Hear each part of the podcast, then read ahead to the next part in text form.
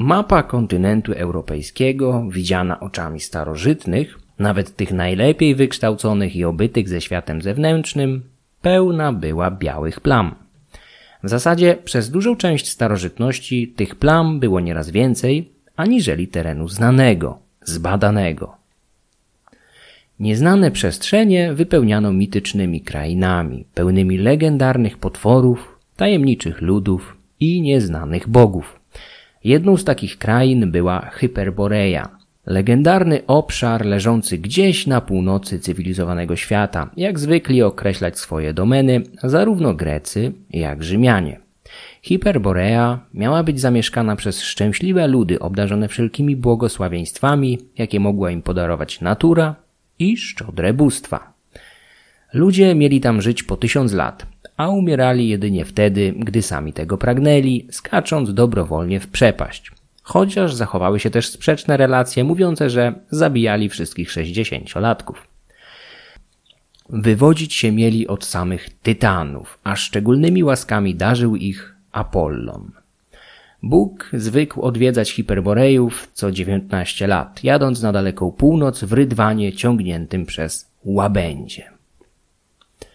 O krainie tej wiedziano co prawda, że była miejscem płynącym przysłowiowym mlekiem i miodem, ale istotnym problemem było określenie jej lokalizacji. Hiperborea miała znajdować się gdzieś daleko, na bliżej nieokreślonej północy, tuż za siedzibami Boreasza, boga wiatru północnego. Przypuszczalna lokacja wahała się w zależności od autora i czasów, w których żył. Z biegiem lat wiedza autorów greckich, a później również rzymskich o realiach odległych, północnych krain poszerzała się. Mroki ciemności rozjaśniało światło poznania i oswojenia. Nigdy jednak nie odkryto mitycznej Hiperborei. Z upływem czasu wymykała się coraz bardziej na północ. Z początku lokowano ją na północ od Tracji, gdzieś nad Dunajem, być może w Dacji. Herodot powątpiewał w jej istnienie, gdyż nawet nadczarnomorscy Scytowie nie byli mu w stanie nic o niej powiedzieć, a ich domeny rozciągały się przecież na olbrzymich obszarach stepu pontyjskiego. Kolejni autorzy przesuwali Hiperboreę dalej na północ, za legendarne góry ryfejskie, w których chciano później widzieć pasma Karpat bądź nawet Uralu. Wreszcie rzymski geograf Pomponiusz Mela, autor najstarszego zachowanego do naszych czasów traktatu geograficznego spisanego w całości po łacinie, widział Hiperboreę gdzieś pod kołem polarnym. Dzisiaj wydaje się, że ta mityczna kraina zrodziła się wyłącznie w bujnej wyobraźni kreatywnych pisarzy i pierwszych geografów, którzy za wszelką cenę pragnęli wypełnić pustkę ziejącą z nieznanej im północy. Hiperborea nigdy nie istniała. Pomimo tego, najdalsza północ Europy nie była zimnym, niegościnnym pustkowiem, przynajmniej nie zawsze. Gdy nad Morzem Egejskim dominowały najpierw statki minojskie, a następnie mykeńskie, po przeciwległej stronie kontynentu kwitła bogata i kreatywna cywilizacja, która jedynie nieznacznie ustępowała wspomnianym wcześniej południowcom. Nordycka epoka brązu była jednym z tych nielicznych okresów w historii, gdy mieszkańcy dalekiej Skandynawii nie tylko nie byli biedniejsi od innych Europejczyków, ale wydaje się wręcz, że wielu z nich przewyższali. Dzisiaj udajemy się na północ kontynentu europejskiego w czasach, gdy dyplomację, handel i wojny napędzał stop miedzi i cyny. Brąz. Skandynawia była jednym z ostatnich miejsc na kontynencie skutych lądolodem ostatniej epoki lodowej. Śladem ustępującego lądolodu postępowali myśliwi zbieracze, stopniowo zaludniający tereny północnej Europy i wkraczający na teren półwyspu około 7 tysięcy lat przed naszą erą. Jeszcze do niedawna uważano, że to właśnie oni są przodkami większości dzisiejszych Skandynawów, gdyż naukowcy nie zakładali wystąpienia jakichś istotniejszych migracji w późniejszych epokach. Dopiero niedawne badania kopalnego DNA wprowadziły nieco zamieszania, dezaktualizując fragmenty publikacji wydawanych jeszcze w pierwszej dekadzie XXI wieku. Dzisiaj wiemy znacznie więcej o przeszłości Skandynawii podczas paleolitu, mezolitu, neolitu czy kolejnych epok, biorących swoje nazwy już nie od kamieni, ale od wyrobów metalurgicznych. Za pierwszymi falami myśliwych zbieraczy nadciągnęły kolejne, tym razem pełne neolitycznych rolników, a w końcu także potomków jeźdźców ze stepu pontyjskiego, Jamnaja. To właśnie ci ostatni, przedstawiciele kultury ceramiki sznurowej, zaczęli przedostawać się na półwysep od południa około 2800 lat przed naszą erą. W kolejnych stuleciach w grobach mężczyzn będących potomkami przybyszy z kultury ceramiki sznurowej zaroiło się od pozostałości krzemiennych toporów, które skłoniły naukowców do chrzczenia ich posiadaczy terminem kultury toporów bojowych. Krzemienne topory składane w grobach mężczyzn z tej kultury, zapewne jako oznaka statusu, stały się znakiem rozpoznawczym jej przedstawicieli. Z czasem członkowie tej patriarchalnej i wojowniczej kultury wchłonęli istniejące już na miejscu neolityczne kultury ceramiki dołkowej i pucharów lejkowatych, zbyt skomplikowane, aby omówić je w tym odcinku. Warto jedynie zaznaczyć, że nazwy poszczególnych kultur z tamtego odległego okresu w prehistorii są wytworem współczesnych archeologów.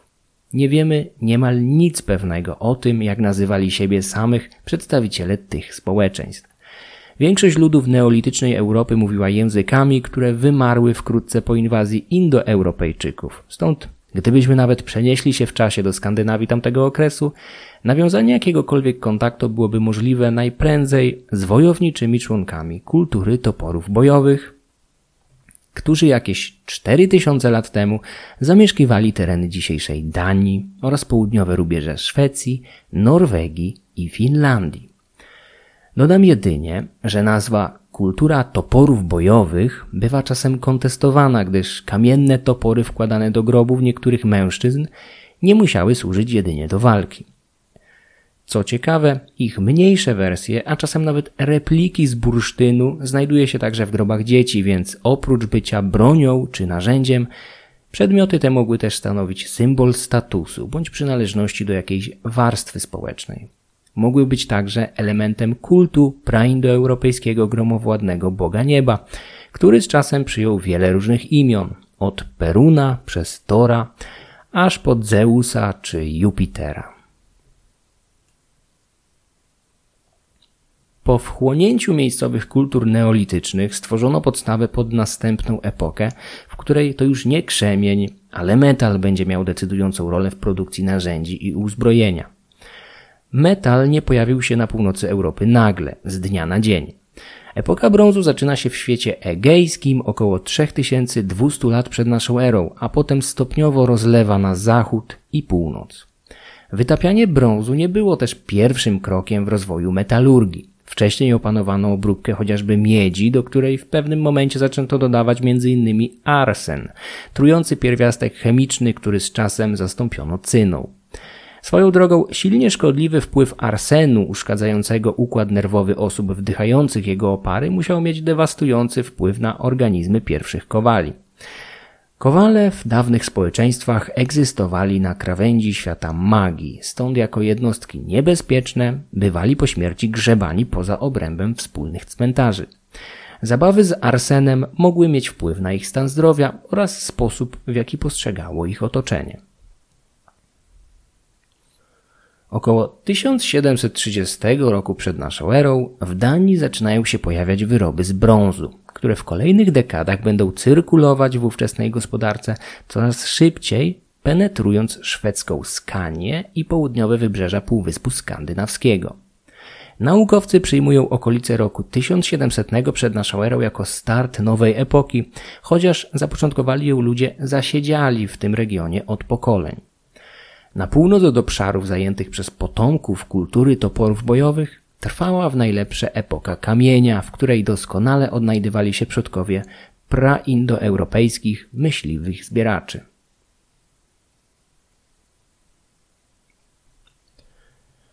Ich potomkami są dzisiejsi Samowie, ciągle żyjący w północnej Norwegii, Szwecji, Finlandii oraz rosyjskiej Karelii. Co ciekawe, lud ten miał zawsze dość istotny wpływ na indoeuropejskich mieszkańców Skandynawii, także w epoce wikingów, wchodząc z nimi w relacje handlowe oraz małżeństwa. Chyba jednak nigdy, no może poza norweskim filmem Tropiciel z 1987 roku, nie zobaczyliśmy ich na ekranach czy w kinie, w filmach opowiadających o średniowiecznej Skandynawii. Brąz zapewniał ludom północnej Europy dostęp do wysokiej jakości narzędzi, uzbrojenia, biżuterii czy przedmiotów codziennych, podnosząc znacznie ich poziom życia. Był jednak pewien problem, bowiem niezbędna do jego wytworzenia cyna i miedź nie były wówczas wydobywane na terenie półwyspu. Szwedzkie złoża miedzi zaczęto eksploatować dopiero w średniowieczu, stąd mieszkańcy tych obszarów byli uzależnieni od importu niezbędnych metali głównie z południa Europy. Podobnie wyglądała sytuacja ze złotem, towarem równie deficytowym na północy. Braki metali rekompensowano wymianą handlową, w ramach której dawni Skandynawowie oferowali to, co zdobyli bądź zebrali w lasach bądź na swoich pastwiskach. Na południe wędrowały m.in. futra, skóry, wełna, tłuszcz fok, żywica oraz bałtycki bursztyn. Swój udział w wymianie handlowej miały również edredony, dziko żyjące kaczki posiadające bardzo cenione, miękkie pierze. Sieci handlowe musiały być bardzo zaawansowane i rozległe. Miedź odkrywana w Skandynawii epoki brązu pochodzi w dużej mierze z terenu dzisiejszej Hiszpanii, Sardynii, Karpat, Kotliny Panońskiej, Półwyspu Apenińskiego czy rejonów Niemiec oraz Czech. Cynę importowano z Wysp Brytyjskich oraz Półwyspu Iberyjskiego. Dzisiaj nie sposób ustalić, czy transakcji dokonywali bezpośrednio kupcy ze Skandynawii, czy korzystali też z pomocy pośredników. Ta druga opcja wydaje się bardziej prawdopodobna.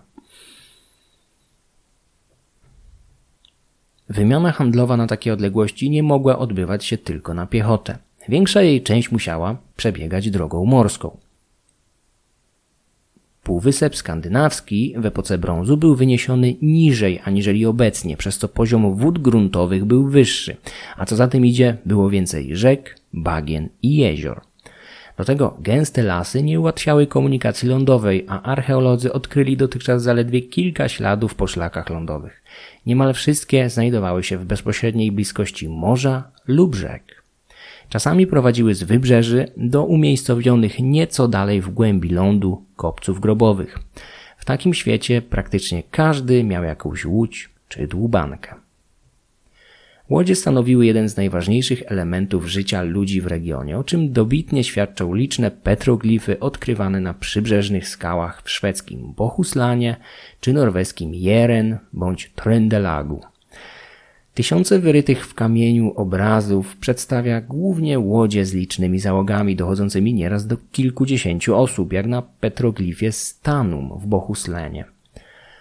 Co zastanawiające, nie odkryto dotychczas pozostałości żadnej łodzi ani innej jednostki pływającej z tamtego okresu. Najstarszym egzemplarzem skandynawskiej sztuki szkutniczej ciągle pozostaje łódź z Hjordspring, umyślnie zatopiona w IV wieku przed naszą erą w bagnie na wyspie Als w dzisiejszej Danii.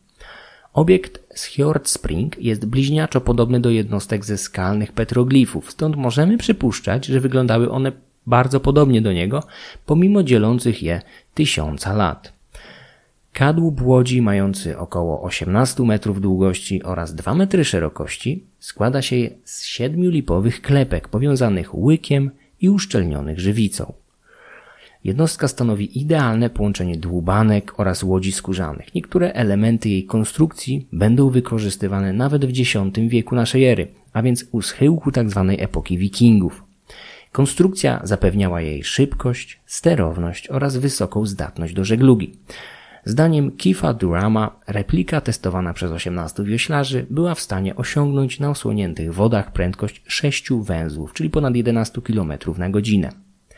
Podczas nordyckiej epoki brązu nie wykorzystywano najprawdopodobniej żagli, których nie sposób dostrzec na żadnym z licznych petroglifów. Być może nie były jeszcze potrzebne, gdyż wymiana handlowa z resztą kontynentu była ciągle niewielka, a żagle są niezbędnym elementem dużych łodzi handlowych, które z racji przewożonego towaru nie są w stanie pomieścić na pokładzie zbyt wielu wioślarzy. Wszystkie obiekty ze skalnych petroglifów są zaś wypełnione symbolicznymi przedstawieniami ludzi. Załogi łodzi takich jak ta z Hjord Spring czy naskalnych obrazów z Bohuslanu składały się zapewne z młodych mężczyzn pełniących rolę wioślarzy oraz piechoty morskiej dokonującej niespodziewanych inwazji w odległych fiordach czy nadmorskich osadach. Naskalne petroglify aż buzują od przedstawień mężczyzn z mieczami przytroczonymi do pasa, toporami w dłoniach, rogatymi hełmami bądź innego rodzaju nakryciami głowy. Niejednokrotnie artyści mocno podkreślili także potężne, wzniesione w kierunku nieba fallusy. Pomimo dużego znaczenia, jakie przypisywano rolnictwu i wymianie handlowej, społeczeństwa nordyckiej epoki brązu z pewnością były bardzo dalekie od spokojnej, pokojowej egzystencji. Raczej nie byli hiperborejczykami. W żadnym rejonie europejskiej epoki brązu nie odkryto tak wielu petroglifów jak w Skandynawii. Jest ich tam niemal 30 tysięcy. W samym szwedzkim Bohuslanie i Östergötlandzie naliczono 5 tysięcy unikalnych stanowisk zawierających około 75 tysięcy obrazów. Liczba ta ciągle rośnie wraz z kolejnymi odkryciami dokonywanymi podczas prac rolniczych bądź eksploracji nadmorskich obszarów.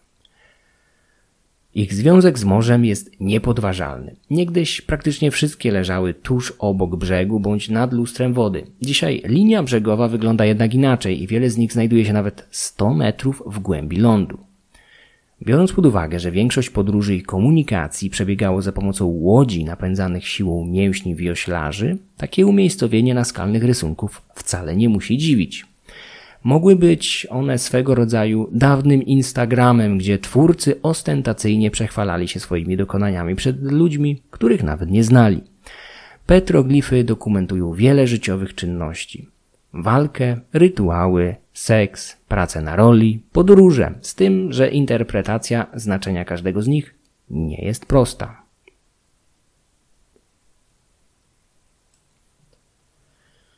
Wykucie zarysu jednej łodzi zajmowało, zdaniem Johanna Linga, około 10-12 godzin. Nie była to zatem czynność, jaką można było zrobić, tak jak dzisiaj w pracy w przerwie na kawę. Jeżeli wykonanie prostego obrazu było tak czasochłonne, to skąd wiemy, czy nawet najprostsze z nich nie przedstawiają jakichś ważnych, ponadczasowych mitów? Spójrzmy na prosty petroglif z człowiekiem obok dwóch wołów, z czymś, co przypomina radło. Może to wujek Sven właśnie kupił nowe woły, a teraz wykuł w skale ich podobiznę ku pognębieniu przepływających tamtędy podróżnych, których nie było stać na parę wołów? A może to scena mitologiczna na skalę porwania Europy przez zamienionego w Buchaja Zeusa, czy dwaj jego moście wymachujący w swoją stronę toporami to po prostu kłótliwy Ragnar i równie wredny Björn podczas kolejnej walki o miedzę, czy też może jacyś herosi, bogowie? Nie sposób zgadnąć. Epoka brązu była pierwszą, w której daje się zauważyć rosnące, istotne dysproporcje majątkowe znamionujące powstanie hierarchicznego społeczeństwa. Potwierdza to także genetyka. Kilka lat temu podczas badań chromosomów Y 456 mężczyzn z Europy naukowcy próbowali znaleźć wspólnego, najbliższego męskiego przodka dla większości z nich. Jak się okazało, w większości przypadków wystarczyłoby cofnąć się wstecz jedynie 5000 lat. Wtedy to właśnie zaczynała się w południowej Europie epoka brązu, a razem z nią silna stratyfikacja społeczna. Jedną z jej cech charakterystycznych było posiadanie licznego potomstwa przez nielicznych, dominujących mężczyzn, w których rękach spoczęła władza. Ich wkład genetyczny w przyszłe populacje ciągle daje się odszukać w genetyce. A jaki obraz ujrzelibyśmy, gdybyśmy chcieli odnaleźć najbliższą wspólną matkę dla większości z owych 456 mężczyzn? Badanie mitochondrialnego DNA wskazuje, że wspólna matka większości z nich żyła około 50 tysięcy lat temu, w epoce kamienia, gdy na świecie ciągle żyli jeszcze neandertalczycy.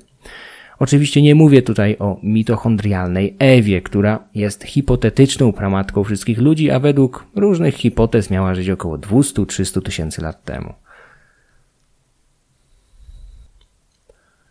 Narodziny silnej stratyfikacji społecznej w epoce brązu, potwierdzone już przez genetykę, widoczne były i bez tego w efektownych grobowcach pełnych drogocennej broni, biżuterii i wszelkich artykułów niezbędnych w codziennym życiu. W Skandynawii najlepszymi dowodami na powstanie silnej i niewiarygodnie bogatej elity są dwa grobowce. Bredarör w Kivik na południu Skanii oraz Hagahögen pod Uppsalą. Oba znajdują się w Szwecji. Bredarör jest jednym z najczęściej opisywanych i najbardziej znanych skandynawskich grobowców z epoki brązu. Kamienne usypisko odkryto i spenetrowano już w 1748 roku. Niestety nie dokonali tego specjaliści, a miejscowi rolnicy, którzy byli szczególnie zaaferowani poszukiwaniem skarbów. Do dzisiaj nie ustalono, czy jakiekolwiek odkryli, ale po okolicy przez długi czas krążyła plotka, że farmerzy znaleźli coś wielkiego. Cokolwiek by to nie było, jest już zapewne od dawien dawna przetopione i bezpowrotnie utracone dla nauki. Kamienny kopiec Bredarur ma 75 metrów średnicy. Nie wiemy, ile wynosiła pierwotna wysokość kopca. Rozmiary grobowca skłoniły odkrywców do ochrzczenia go nazwą grobowca króla, chociaż podobnie jak w przypadku innych pochówków z tamtego okresu, nie wiemy, kim był główny lokator. Całość datuje się przypuszczalnie na okolice 1400 roku przed naszą erą, czyli w apogeum nordyckiej epoki brązu. W zwyczajach pogrzebowych dominowała wówczas inhumacja polegająca na składaniu do grobu całego szkieletu. Kilka wieków później zostanie ona zastąpiona przez kremację charakterystyczną dla późniejszego kręgu kultur pól popielnicowych. Palenie szczątków zmarłych, tak popularne na przełomie epoki brązu i żelaza w centralnej i północnej Europie, pozbawia nas dzisiaj możliwości chociażby ekstrakcji kopalnego DNA z kości zmarłych. Zwłoki głównego lokatora Bredaryr zostały utracone dla nauki, ale podczas profesjonalnych badań w latach 30. XX wieku udało się odkryć kolejną, mniejszą komorę tuż obok tej pierwszej odkrytej w połowie XVIII wieku. Druga komora zawierała szczątki zidentyfikowane jako pozostałość młodego mężczyzny, uważanego przez jakiś czas za księcia.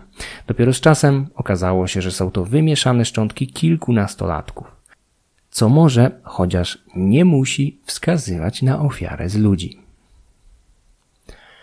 Po zakończeniu wykopalisk w latach 30. grobowiec częściowo zrekonstruowano, udostępniając go zwiedzającym.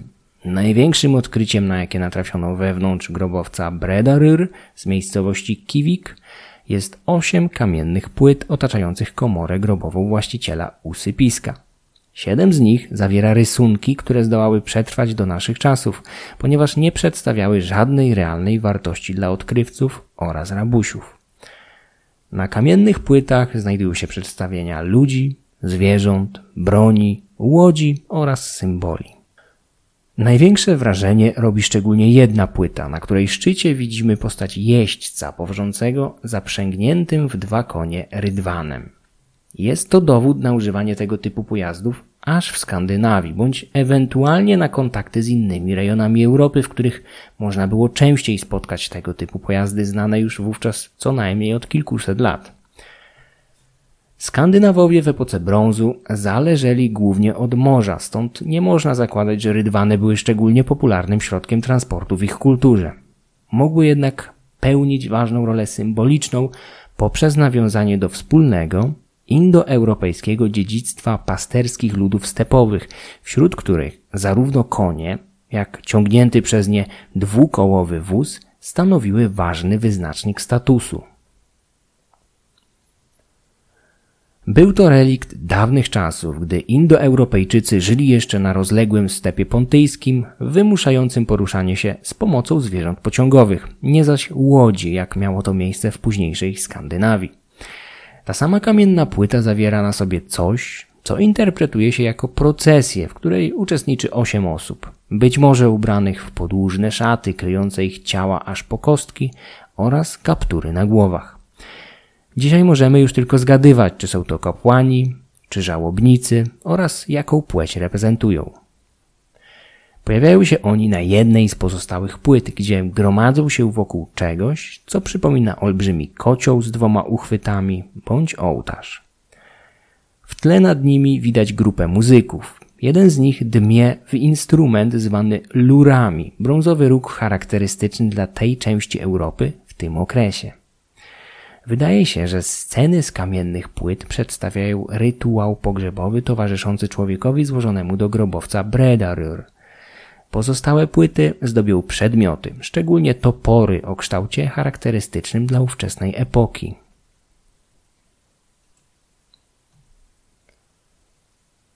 Drugi ze wspomnianych grobowców, Hagahögen, zwany jest czasem niewłaściwie kopcem króla Bjorna, od średniowiecznego wodza, jaki sprawował władzę na tym terenie, a następnie został utożsamiony z pierwszym, anonimowym posiadaczem grobowca. Usypisko ma obecnie 7 metrów wysokości i 45 metrów szerokości. Powstało około 1000 roku przed naszą erą. Najpierw stworzono drewnianą komorę grobową zawierającą dębową trumnę. Następnie przykryto ją licznymi głazami, tworząc podstawę kopca, którą na końcu zasypano ziemią. W chwili stworzenia kopiec musiał być wyższy, aniżeli jest obecnie. Nie wiemy, kto spoczął w Hagen, ale musiała być to znaczna persona, gdyż ilość złota, jakie archeolodzy wyciągnęli z tego grobowca, była większa aniżeli w jakimkolwiek innym pochówku z tej oraz z późniejszej epoki wikingów. Nie będzie to w sumie aż tak wielkim zaskoczeniem, jeśli weźmiemy pod uwagę, że nigdzie w ówczesnej Europie nie odkryto tak olbrzymiego zagęszczenia metali w grobowcach, szczególnie jeżeli mówimy o brązie. W samej południowej Skandynawii wydobyto z grobów 2700 mieczy z brązu. Jest to na swój sposób fascynujące, gdyż jak wspomniałem wcześniej, zarówno złoto, jak miedź czy cyna były przez ówczesnych Skandynawów importowane z zewnątrz. Prace archeologiczne przeprowadzono w Hegahogen na początku XX stulecia, a w ich trakcie odkryto dębową trumnę zawierającą poddane częściowej kremacji kości mężczyzny. Obok niej natrafiono na kilkadziesiąt przedmiotów pokrytych złotem, wśród nich sprzączkę oraz złote spirale noszone przez kobiety. Być może mężczyzna nie był jedynym lokatorem grobowca. Wewnątrz kopca natrafiono na ślady ognisk zawierających resztki kości zwierząt, głównie wiewiórek i psów, oraz nadłamane i pozbawione szpiku szczątki ludzi. To ostatnie znalezisko nasunęło przypuszczenia o złożeniu kilku osób w ofierze zmarłemu władcy bądź parze panującej w tej okolicy. Zapewne chciano, aby mieli towarzystwo na tamtym świecie. Usypanie kopca musiało zająć kilka tysięcy dni roboczych, co wyraźnie świadczy o istnieniu zorganizowanej, centralnej władzy zdolnej wyekspediować do takiej pracy np. kilkadziesiąt osób pracujących przez cały rok. Krajobraz Skandynawii zdobi około 30 tysięcy kopców przewidzianych jako miejsce ostatniego pochówku ludzi zamieszkujących ją podczas nordyckiej epoki brązu. Jedynie niewielka część tych ludzi była wielkimi wodzami, jak ci pochowani w Hegahogen i Bredarur. Większość należała do niższych warstw społecznych, ale z ich grobów jesteśmy w stanie dowiedzieć się co najmniej tyle samo o życiu w tamtych czasach, co z pochówków członków elit. Jedną z najpopularniejszych osobistości nordyckiej epoki brązu jest tak zwana dziewczyna z Ektvet, żyjąca pomiędzy 1390 a 1370 rokiem przed naszą erą. Jej szczątki odkryto w pozostałości kopca, szerokiego na około 30, a wysokiego na 4 metry. Zwłoki złożono w trumnie z wydrążonego pnia dębu, który istotnie ułatwił datowanie pochówku dendrochronologom. Dziewczyna w chwili śmierci miała około 18 lat, 160 cm wzrostu, krótkie blond włosy oraz zadbane paznokcie. U jej stóp odkryto szczątki skremowanego dziecka w wieku 5-6 lat. Większa część jej ciała uległa rozkładowi.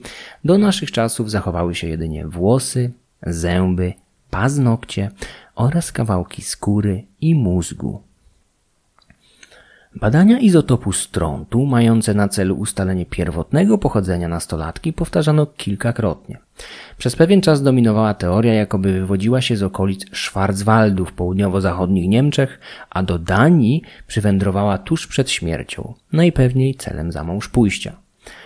Kilka lat temu naukowcy z Uniwersytetu w Aarhus podważyli tę hipotezę, wykazując, że ziemia pobrana do badań, a pochodząca z pól uprawnych w Egdwet, była skażona wapnem dodawanym podczas nawożenia ziemi, a inne próbki pobierane z okolicy Egdwet, zwłaszcza z terenów podmokłych, niezanieczyszczonych nawozami, idealnie pasują do tych odkrytych w grobowcu. Dziewczyna z Egdwet przedostała się do zbiorowej świadomości głównie dzięki odzieży, w jakiej została pochowana. Miała na sobie luźny, krótki gorset odsłaniający talię z rękawami do łokci. Nosiła krótką spódniczkę składającą się z wełnianych sznurków. Na talii nosiła wełniany pas z brązowym dyskiem ozdobionym spiralami oraz kolcem, który, jak dowcipnie zauważył archeolog Barry Cunliffe, mógł służyć do odstraszania zbyt natarczywych adoratorów. Na obu nadgarstkach miała brązowe bransolety. Ciało złożono na krowiej skórze i przykryto wełnianym kocem. Odzienie dziewczyny z Egdwet zakrywało tyle samo, ile odkrywało, więc w momencie odkrycia w latach dwudziestych XX wieku wywołało zaskoczenie w ówczesnym bardzo konserwatywnym społeczeństwie. Spekuluje się, że mógł to być strój letni, zwłaszcza, że sam pochówek najprawdopodobniej miał miejsce właśnie w tym okresie, o czym zdają się wskazywać zasuszone pozostałości krwawnika pospolitego złożone na wełnianym kocu przykrywającym zmarłą. Krwawnik zakwita właśnie w lecie. W tej samej epoce co dziewczyna z Egdwet w okolicach dzisiejszego Borum Eshy w Danii odkryto ciało młodego, około 20-letniego mężczyzny złożone w ostatnią podróż w podobny sposób. Wydrążona w pniu drzewa trumna, krowia skóra służąca za posłanie, wełniany koc przykrywający zmarłego. Zamiast bransolet złożono na nim pochwę miecza, która, ku zaskoczeniu archeologów, zawierała jedynie krótki sztylet. Czy rodzina postanowiła oszczędzić nieco na pogrzebie i zamiast wyposażyć zmarłego w ostatnią podróż w długi, kosztowny miecz z brązu, wrzuciła do pochwy jedynie niewielki sztylet? Zapewne nigdy się tego nie dowiemy. Do dzisiaj w bardzo dobrym stanie zachowały się kości, tkanki miękkie, czaszka oraz włosy zmarłego. Tuż obok jego głowy odnaleziono rogowy grzebień, którym musiał za życia czesać swoją bujną czuprynę. Badania dębowej trumny wykazały, że drzewo ścięto około 1345 roku przed naszą erą. W Borum Eschy odkryto także kilka innych dobrze zachowanych pochówków starszych osób, wśród nich mężczyzny oraz kobiety. Oboje zmarli pomiędzy 50 a 60 rokiem życia. Ze szczątkami kobiety wiąże się dość traumatyczna historia. Zostały bowiem odkryte nie przez specjalistów, lecz miejscowych farmerów. Gdy odkrywcy uświadomili sobie, że mają do czynienia z dawnym grobowcem, bez zbędnych ceregieli przeszli do przeszukiwania pochówku pod kątem cennych obiektów. Przewrócili ciało zmarłej tak gwałtownie, że straciła wówczas wszystkie włosy. Po przeszukaniu grobu farmerzy przekazali pozbawione ich zdaniem jakiejkolwiek wartości szczątki archeologom. Do dzisiaj nie wiemy, czy w pochówku znajdowały się jakieś cenne przedmioty. Nie wydaje się, aby nauka wiele straciła w związku z obcesową ingerencją duńskich rolników, gdyż nie był to bogaty grób. Z pewnością możemy ubolewać nad włosami zmarłej, z których miało zachować się jedynie kilka kosmyków naszkicowanych przez przybyłych na miejsce archeologów. Nie pozwoliły one jednak na odtworzenie jej fryzury. Zupełnie inaczej wyglądała jednak sytuacja z kobietą ze Skrytstrup w południowej Jutlandii. Zmarłą około 1300 lat przed naszą erą, w wieku około 18-19 lat. Prawdopodobnie w trakcie ciąży, o czym miał świadczyć wyjątkowo poluzowany wełniany pas oplatający jej talię. Na pasie zmarłej znajdował się rogowy grzebień, jednak ani on, ani żaden inny element wyposażenia grobu nie robi wrażenia porównywalnego z misterną fryzurą umocowaną dodatkowo za pomocą siatki zrobionej z końskiego włosia. Za życia kobieta była wysoką, 1,70 m, szczupłą kobietą z długimi rzęsami i włosami w kolorze blond. Musiała należeć do lokalnej elity, o czym świadczy nie tylko jej efektowna fryzura, z pewnością zrobiona przez służącą, ale również złote kolczyki. Jej pochówek odkryto tuż obok pozostałości rozległych zabudowań, wśród których był nawet długi dom liczący około 500 metrów kwadratowych, największy z odkrytych na terytorium ówczesnej Danii. Badacze z Uniwersytetu w Aarhus udowodnili dzięki analizie izotopów strontu, że dziewczyna ze Skrytstrup pochodziła z tej samej okolicy, w której znajduje się jej grób. Z tym, że dzieciństwo spędziła kilka kilometrów na zachód od miejsca, w którym zmarła i została pochowana. Wspomniane pochówki pochodzą jeszcze z czasów, gdy dominowała inhumacja, zastąpiona w późnej epoce brązu przez kremację. W tym późniejszym okresie, tuż przed nadejściem epoki żelaza, zmianie uległy również praktyki związane z pozostawianiem w grobach artefaktów. Drogocenne przedmioty zaczęto coraz częściej składać nie w grobach, lecz w bagnach i jeziorach takich jak Hjordspring, Nydam, Torsberg. Czasami w bagnach swój kres znajdować będą nie tylko przedmioty, lecz także ludzie, jak nieszczęśnicy Stolund i Graubale. Tutaj jednak zaczynamy wybiegać do późniejszej epoki żelaza. Najsłynniejszym przedmiotem wydobytym ze skandynawskich bagien epoki brązu jest z całą pewnością słoneczny rydwan Strundholm. Brązowa rzeźba przedstawia konia ciągnącego wózek z pozłacanym dyskiem. Całość opiera się na sześciu kołach ze szprychami, cztery dla konia i dwa dla wózka z dyskiem. Artefakt został znaleziony w 1902 roku w bagnie w północno-zachodniej Zelandii w czasach, gdy nie wykorzystywano jeszcze datowania z wykorzystaniem pyłków roślin, więc ustalenie dokładnej daty, w której złożono do bagna wózek, było niemożliwe. Dzisiaj zakłada się najczęściej, że całość pochodzi z okolic 1400 roku przed naszą erą, ale to datowanie bywa kontestowane i czasem przesuwa się je na bliższe nam czasy. Wózek ciągnięty przez konia wspiera się na dwóch kołach, więc przypomina rydwan, pojazd, z którym spotkaliśmy się już na kamiennych płytach z grobowca w Kiwik. Co przedstawia wózek Strundholm? Najczęściej interpretuje się go jako kultowego konia ciągnącego słońce. Dysk będący zapewne ciałem niebieskim jest pokryty cienką warstwą złota tylko z jednej strony – być może podczas religijnych ceremonii wózek był przesuwany najpierw w jednym kierunku, odwróconym złoconą stroną dysku do uczestników rytuału, a następnie z powrotem stroną ciemną, niepokrytą złotem. W jedną stronę byłby więc dniem, potem zaś nocą. Czasami wysuwa się hipotezę, że wózek jest pierwotnym wyobrażeniem Skinfaxiego, mitycznego konia, który w skandynawskiej mitologii epoki wikingów będzie rumakiem Daga, symbolizującego dzień.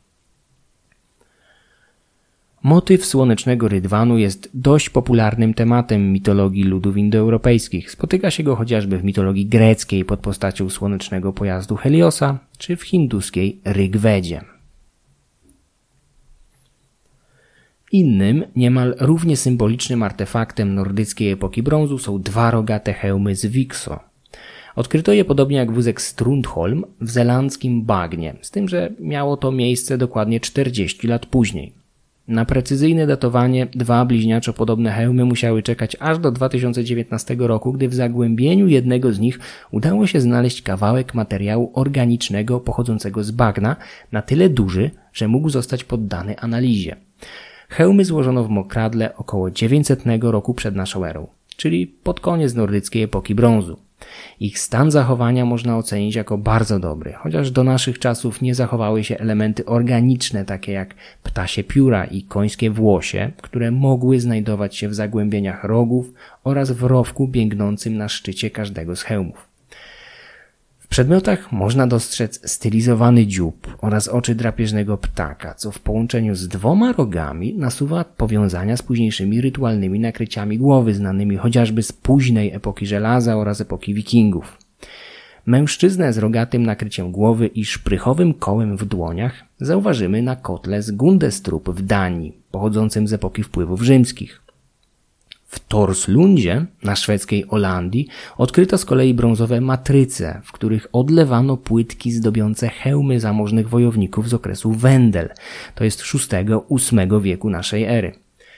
Być może tradycja przetrwała setki lat, podobnie jak w przypadku wspomnianego wcześniej wózka Strundholm, który mógł z czasem zmienić się w Skinfaxiego. Podobieństwa pomiędzy nakryciami głowy z Wixo a matrycami z Torslundy są bardzo interesujące, ale prawdziwie fascynujące jest coś innego. Hełmy z Wixo są bliźniaczo podobne nie tylko do współczesnych sobie przedstawień rogatych jegomościów odkrywanych na wspomnianych już skalnych rycinach, ale także do licznych przedstawień rogatych wojowników z Sardynii, Półwyspu Iberyjskiego, a nawet Cypru. Na wyspie Afrodyty odkryto szczególnie dużo przedstawień rogatych bogów i wojowników z tamtego okresu. Dwa szczególnie znane pochodzą z wioski Enkomi, będącej w XII wieku przed naszą erą jednym z najważniejszych portów Morza Śródziemnego. Ludy epoki brązu musiały w szczególny sposób cenić sobie tego typu nakrycia głowy, które niejednokrotnie były również wykorzystywane w walce, nawet pomimo wątpliwej praktyczności rogów przytwierdzonych do hełmu. Z rogatymi wojownikami spotykamy się szczególnie często nie tylko na Cyprze, ale również na Sardynii, gdzie królowała wówczas tajemnicza cywilizacja nuragiczna, a wyspiarze mogli eksportować metale, których mieli pod dostatkiem do wiecznie cierpiącej na ich niedobór Skandynawii. Podobnie rzecz się miała z Iberami, którzy wręcz siedzieli na złożach cyny, miedzi, złota i srebra. Podobieństwo hełmów z Wixo do współczesnych im śródziemnomorskich nakryć głowy z rogami wzmacnia teorię o dalekosiężnej wymianie handlowej, wraz z którą mogły wędrować idee kulturowe. Oczywiście można debatować nad tym, skąd przyszedł pierwszy impuls i czy aby na pewno to Skandynawowie zapożyczali wzorce z nadmorza śródziemnego. Jest to kwestią dyskusyjną. Być może sami wpadli na to, aby ozdabiać swoje hełmy bądź rytualne nakrycia głowy rogami. Pewnikiem jest popularność i niebywałe podobieństwo hełmów z rogami występujących w tak odległych od siebie lokacjach jak Zelandia, Sardynia, Cypr czy egipskie Medinet Habu, w którym możemy znaleźć całą galerię rogatych awanturników z tzw. Tak ludów morza. To właśnie podczas nordyckiej epoki brązu w Skandynawii, szczególnie w południowej Szwecji, krajach bałtyckich, oraz na wyspach takich jak Gotlandia zaczęły pojawiać się groby w kształcie łodzi. Kopiec pogrzebowy, nieznacznie wyniesiony ponad poziom otaczającej go ziemi, przybiera w nich wrzecionowaty kształt łodzi, który dodatkowo podkreślają kamienne płyty, imitujące burty, dziób i rufę. Ten sposób pochówku dodatkowo podkreślał olbrzymie znaczenie, jakie dla ówczesnych ludzi miało morze oraz pływające po nim jednostki.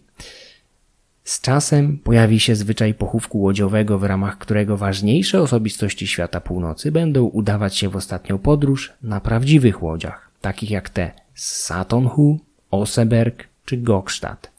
Jeżeli słuchaliście relacji o pogrzebie wodza Rusów autorstwa Ahmada ibn Fadlana, zanotowanej w 922 roku, to cała tradycja związana z tego typu pogrzebami zaczyna się co najmniej 2000 lat wcześniej, podczas nordyckiej epoki brązu. Cała epoka była uzależniona od brązu, a konkretniej od niezbędnych do stworzenia go metali cyny i miedzi. Dalekosiężne szlaki handlowe umożliwiające importowanie obu z południowej Europy oraz Alp i Rudaw zaczęły zanikać w późnej epoce brązu. W XII stuleciu przed naszą erą import z terenów dzisiejszych Czech, południowych Niemiec i Alp praktycznie zamarł, a społeczeństwa północy zostały zmuszone do recyklingu starych przedmiotów z brązu. Około tysięcznego roku przed naszą erą nawiązano nowe połączenia handlowe z Kotliną Panońską oraz Karpatami, prawdopodobnie dzięki wykorzystaniu Odry. Szlak ten przetrwał blisko 200 lat, znikając w IX wieku przed naszą erą. Trudno odpowiedzieć na pytanie, dlaczego tak się stało. Jedna z hipotez zakłada przerwanie połączenia przez elity rządzące ówczesnym dorzeczem Odry. Inna z kolei, zapewne bardziej prawdopodobna, sugeruje problemy wewnętrzne społeczeństw zamieszkujących kotlinę panońską, na których głowę zaczęli właśnie spadać koczownicy ze stepu pontyjskiego, Kimmerowie – Byłby to nie pierwszy i nie ostatni przykład, jak mobilni i agresywni koczownicy ze wschodu mogą namieszać na kontynencie europejskim.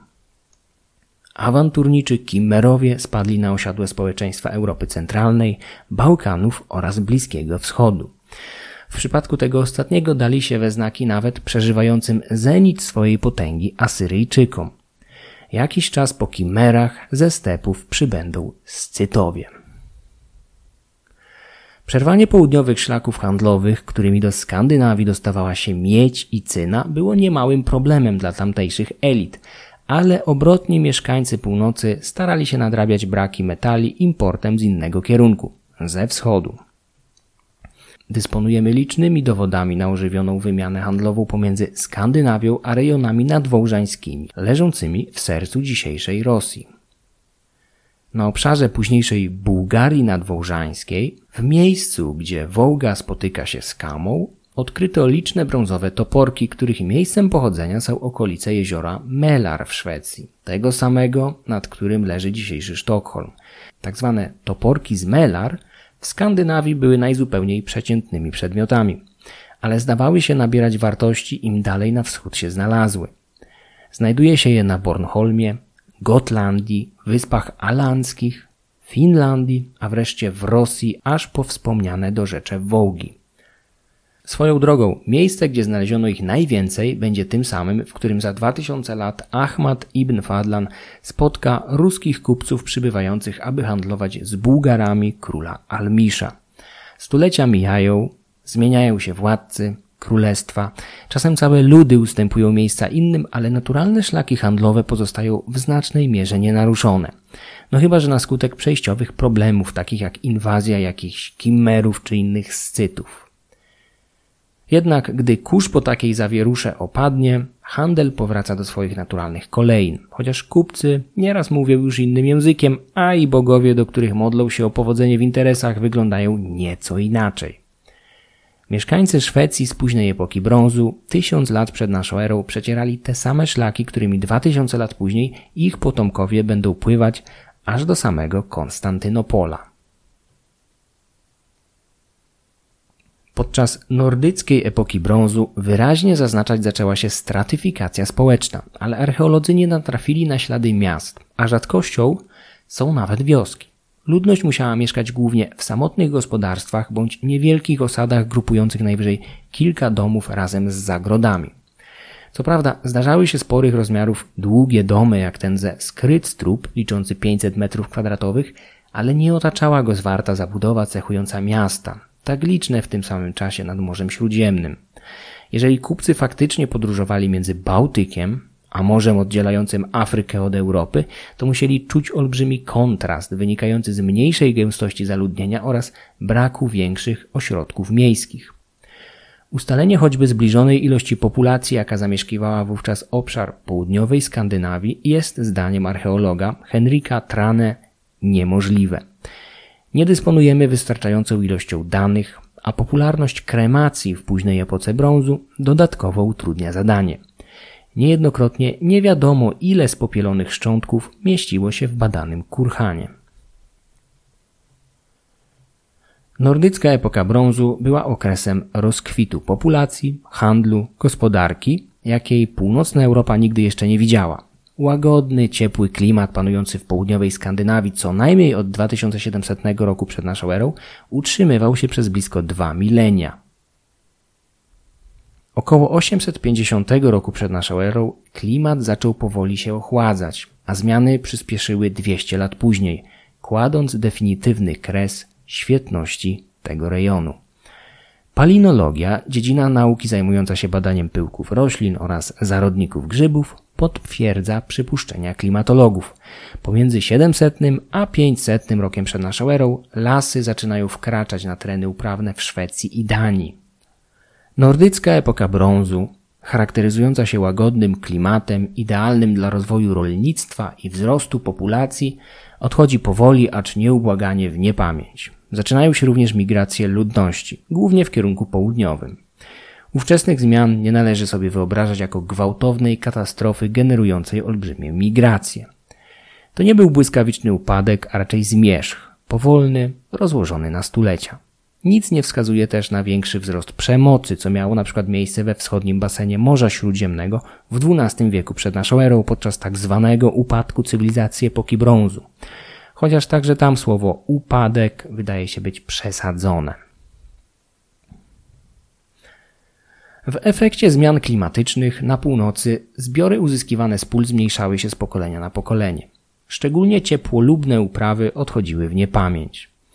Podczas apogeum nordyckiej epoki brązu temperatury w południowej Skandynawii były podobne do tych, z jakimi spotykamy się dzisiaj w południowych Niemczech, co pozwalało na uprawę choćby winorośli. Po ochłodzeniu klimatu nie było to już dalej możliwe.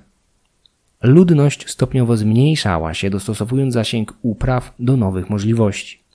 Przerwanie szlaków handlowych umożliwiających import miedzi i cyny utrudniło produkcję brązu, co jednocześnie podważyło znaczenie dotychczasowych elit trzymających w swoim ręku handel cennymi metalami.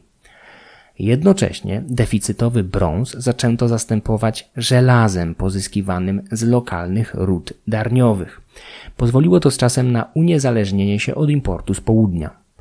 Cały region stał się na kilka najbliższych stuleci europejskim zaściankiem, ale nigdy nie stracił kontaktu z południem. Został on jedynie mocno ograniczony.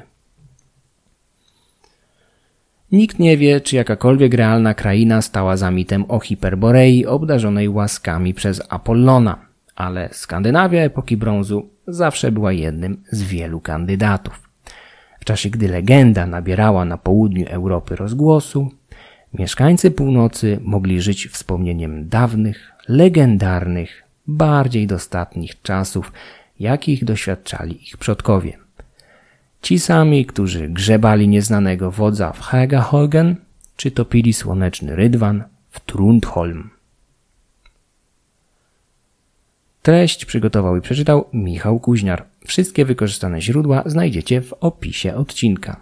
Podcast Mroczne Wieki można wspierać na patronite.pl łamane na Mroczne Wieki. Serdecznie dziękuję wszystkim patronom.